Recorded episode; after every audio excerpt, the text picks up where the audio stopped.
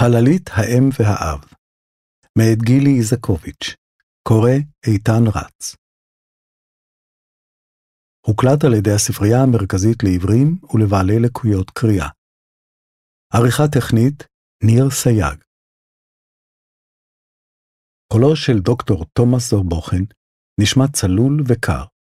השיגור היום לא היה מוצלח, הוא אומר, וקשה לפענח אילו רגשות עומדים מאחורי המילים.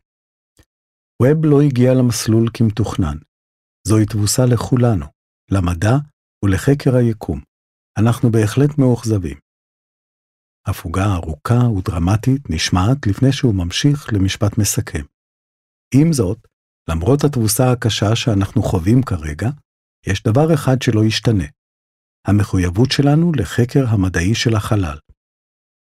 הנאום הזה, שלא ניסה לבסוף, הוא אחד מרגעי השיא של הסרט התיעודי "אל הלא נודע", מכונת הזמן הקוסמית, העוקב אחרי ההכנות לשיגורו של טלסקופ החלל ג'יימס ווב, ששילחה נאס"א בסוף 2021.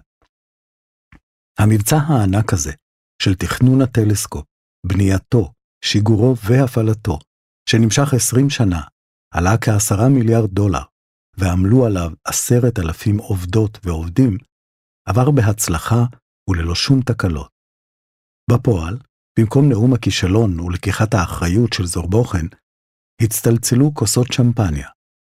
במקום תוכחה ובושה, התקיים מפגש הוקרה בבית הלבן, וההערצה חצתה ארצות. בזמן שחלף מאז החלו להתפענח ממצאיו הראשונים של הטלסקופ, ששופכים אור סוף סוף על חידות הבריאה וראשית היקום, ומסעירים ומלהיבים אסטרופיזיקאים ברחבי העולם.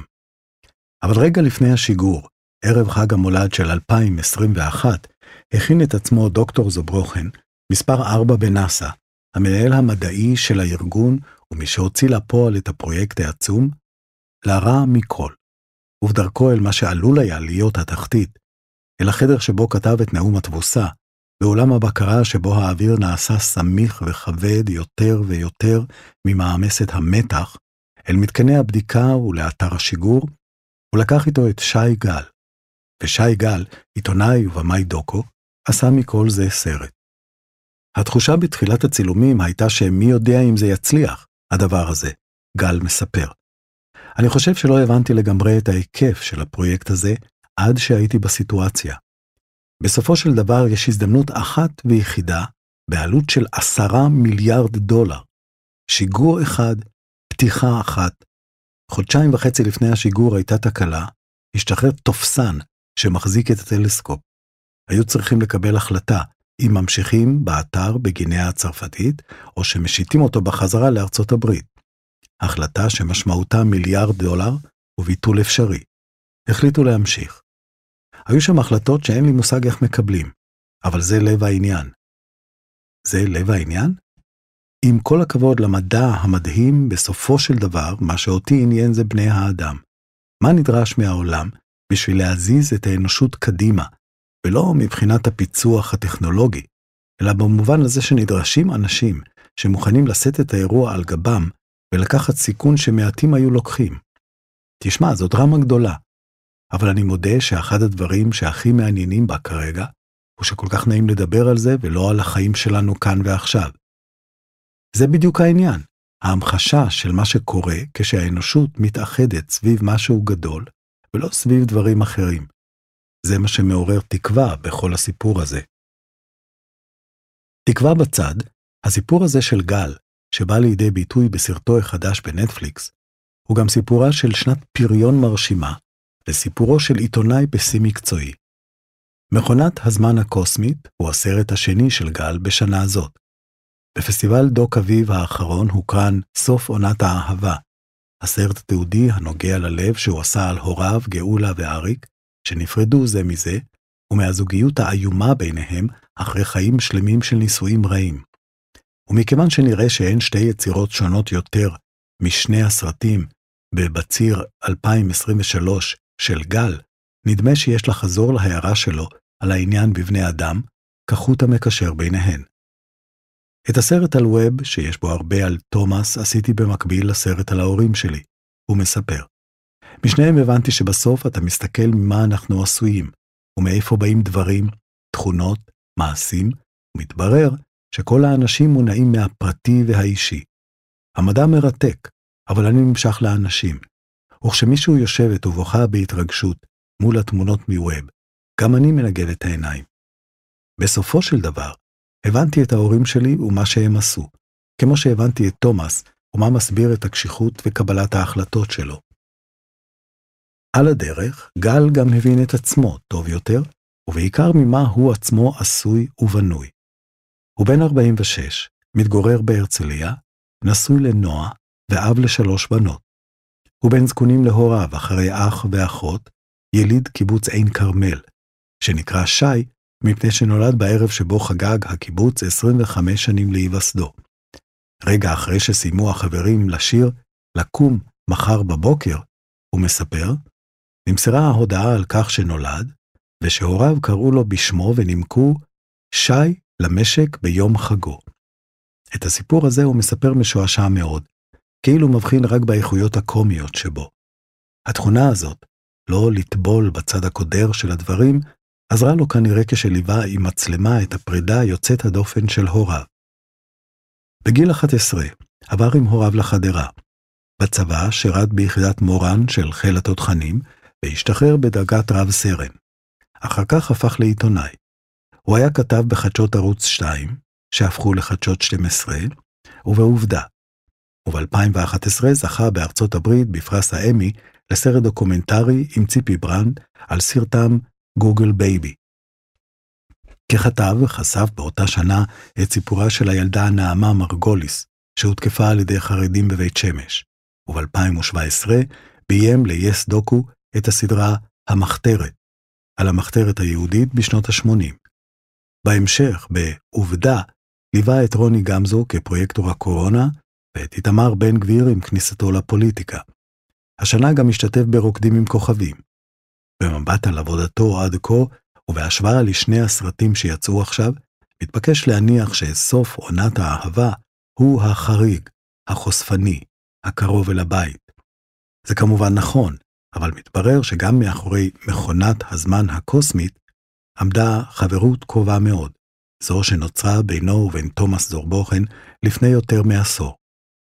ב-2012 השתתפתי בתוכנית לעיתונאים באוניברסיטת מישיגן, הוא מספר, בכל שבוע היו מגיעים שני מרצים אורחים, איש תקשורת, אמריקאי בכיר, ומדען מהאוניברסיטה, ואלה היו בדרך כלל הרצאות הפחות מעניינות.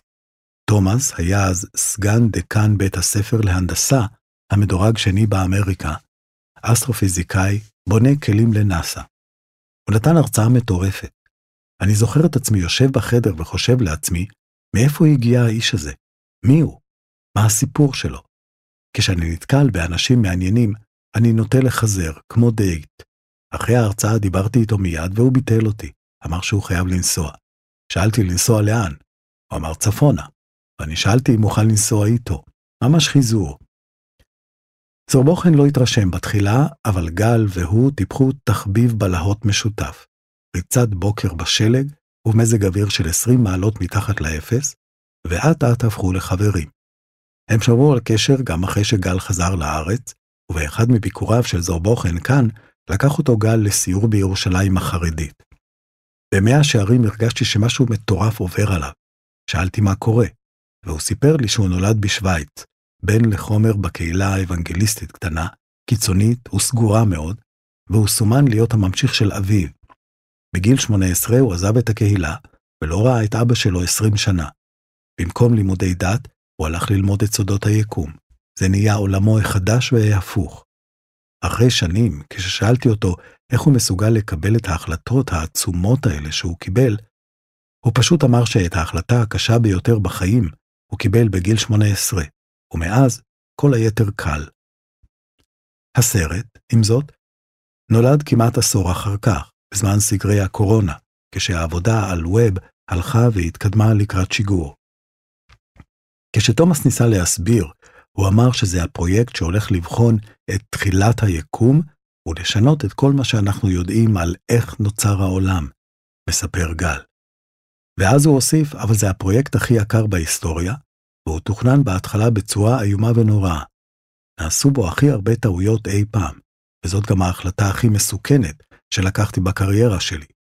זה יכול להיות סרט על איך איבדתי את העבודה שלי, או הסרט על אחת מההצלחות המדעיות הכי גדולות אי פעם.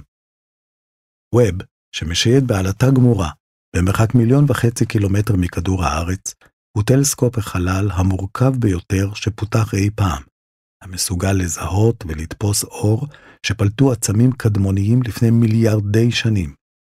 האור שנקלט משוחזר ומוצג כתמונות, תיעוד בהווה של המצב האסטרונומי בראשית היקום, ומכאן, כמעין מכונת זמן המתבוננת ומתארת את סודות הבריאה שנותרו עד כה כמוסים ללא אפשרות פענוח.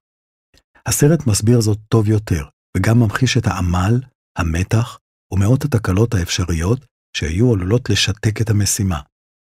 מה שפשוט יותר להסביר, הוא שבאמצעותו אמורים מדענים להבין את שלוש החידות הגדולות ביותר שצופן היקום לאנושות. איך הגענו לכאן? מאין הגענו לכאן? ושאלת השאלות, האם אנחנו לבדנו? התשובה ההולכת ומתפענחת אמורה לשפוך אור על כולן. האם בתוך שנים אחדות יצליחו מדענים להתביית על כוכבים תאומים לכדור הארץ, כאלו שיש בהם אטמוספירה, מים ואוזון? סבירות גבוהה שכן. השאלה היא מה יקרה קודם, נגיע לשם או נשמיד את עצמנו? שאלה טובה, לא יודע. לא נזכה בחיינו לראות חיים אחרים, אבל כל מי ששאלתי בנאסא אם יש חיים בכוכבים אחרים, כולם באופן גורף ענו שכן. סטטיסטית אין מצב אחר. יש בסרט הזה משהו מעודד.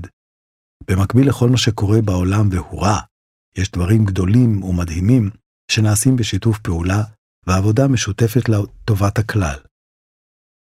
אולי נמשך גל לסיפור העצום הזה על שיתוף הפעולה האנושי המעודד שבו, כדי להתעלות מעט מעל החזית האחרת שהעסיקה אותו בו בזמן, ותחילתה בשיחת טלפון מאמו בערב שבת אחד.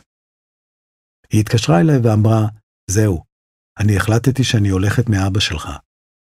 היא בת 75, הוא בן 77, ואני אומר לעצמי בלב, זה אשכרה קורה. זאת לא הייתה הפתעה, למרות שזה גם לא היה על פני השטח. אף אחד מאיתנו, הילדים, לא חשב שיש שם זוגיות טובה.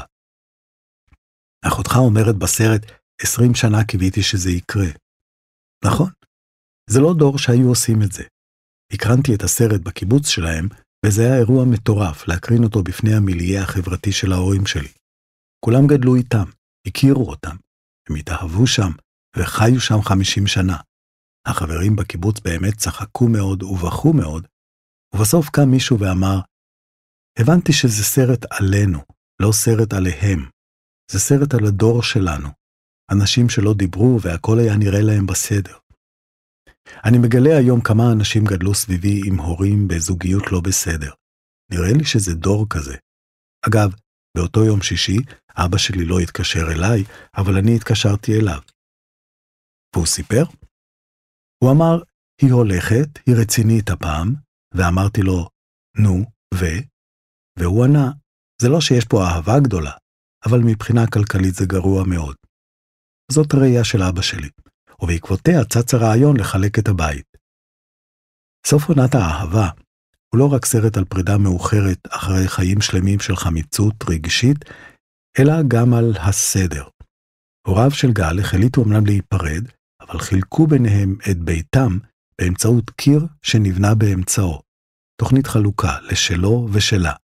גל היה מי שהביא את הקבלן לביצוע העבודה, ומי שהתייצב במקום עם מצלמה, אבל לא בטוח שאת כל מה ששמע מהוריו חשב שישמע.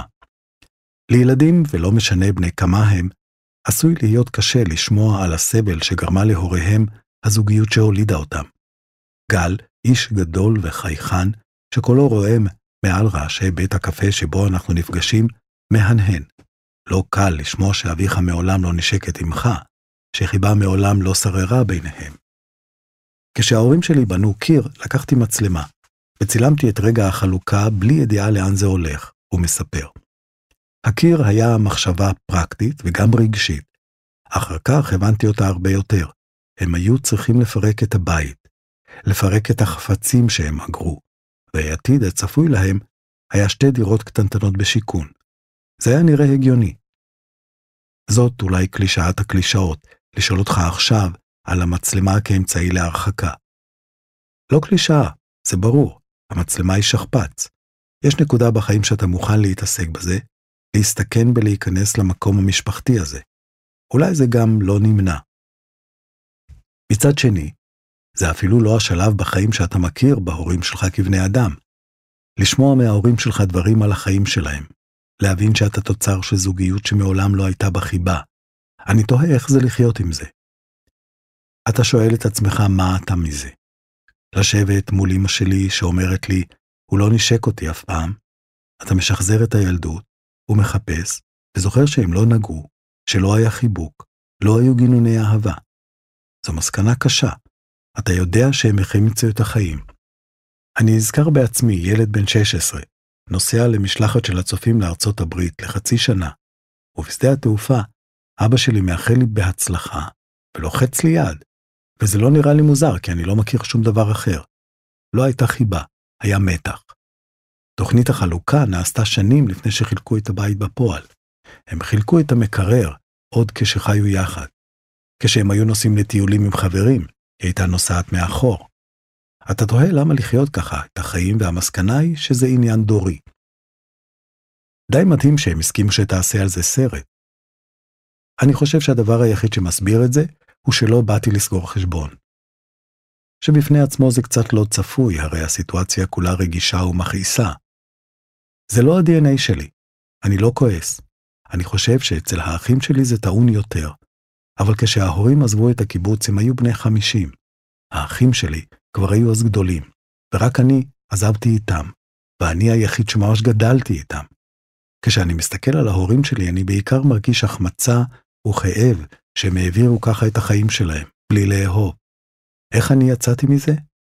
יצאתי מודע לזה. זו תחילת התיקון, ולקח לי זמן להבין את זה.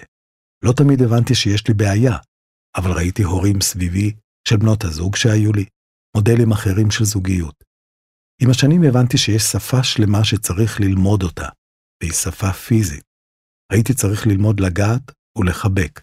אני זוכר שלבים בחיים שהתאמצתי בזה, שזה לא בא טבעי. אבל גם ההורים שלי משתנים, ואני מרגיש שיש בי תכונות משניהם. אולי בגלל זה אני לא כועס. אני אוהב אותם, ואני לא מרגיש שיש לי חשבונות לסגור איתם. נכנסתי במטרה לשאול מה קרה פה. זאת לא שאלה שאנחנו בדרך כלל שואלים. אז למה באמת? זה הרי כואב להבין שההורים שלך, במשך הרבה שנים, ואפילו לפני שנולדת, לא היה להם טוב ביחד. היה לי ברור בנקודה מסוימת שזה משהו שאני רוצה לעשות. ידעתי שזה יוצא דופן, אבל היו גיבורים טובים, סיפור יוצא דופן, ויכולת להיכנס לזה גם בעצמי. יכול להיות שהייתה שם התעסקות עם השאלה מי אני. ברמה עמוקה ידעתי שאם אני לא אשב איתם עכשיו, אני כבר לא אשב ולא אדע אף פעם. השיחה לא תתנהל. השיחה שמתנהלת מובילה את גל ללוות את הוריו בנפרד. אביו מספר על ילדות דלה, ברוב פתוס, את שורות הפיתוי הלא רגילות.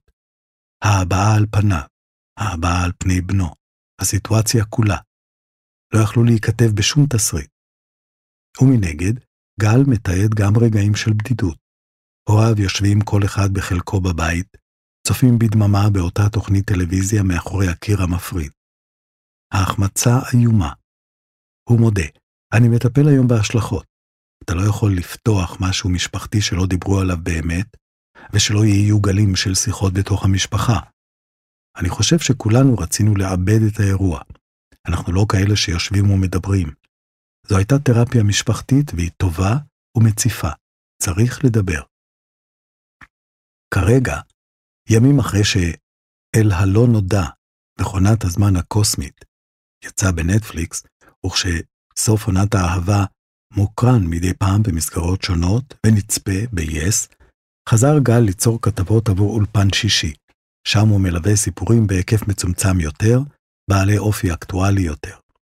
אירועי החודשים האחרונים, אולי מאז הבחירות האחרונות, הציפו מחדש את מה שהעלה אל המסך בסדרה שלו, המחתרת. חלקים ממנה נראים היום נבואיים, תוכנית סדורה שהתממשה. יהודה עציון, אחד מחברי המחתרת, מדבר בסדרה על הר הבית ועל הר הבית כמשל. כדי לשלוט בו, הוא אומר, יש לשלוט בממשלה.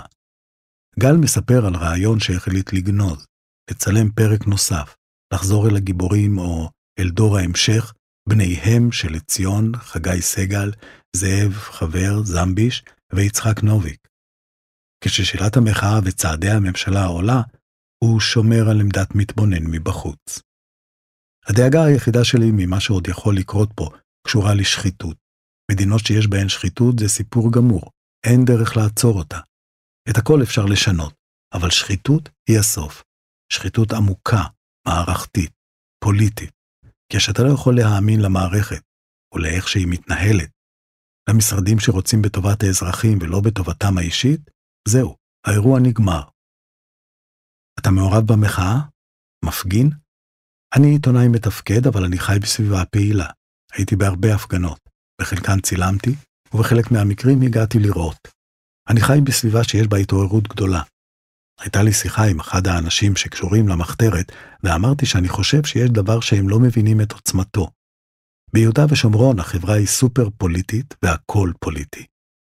אין דיון אם מותר לדבר פוליטיקה בטקס בבית הספר או באירוע ביישוב.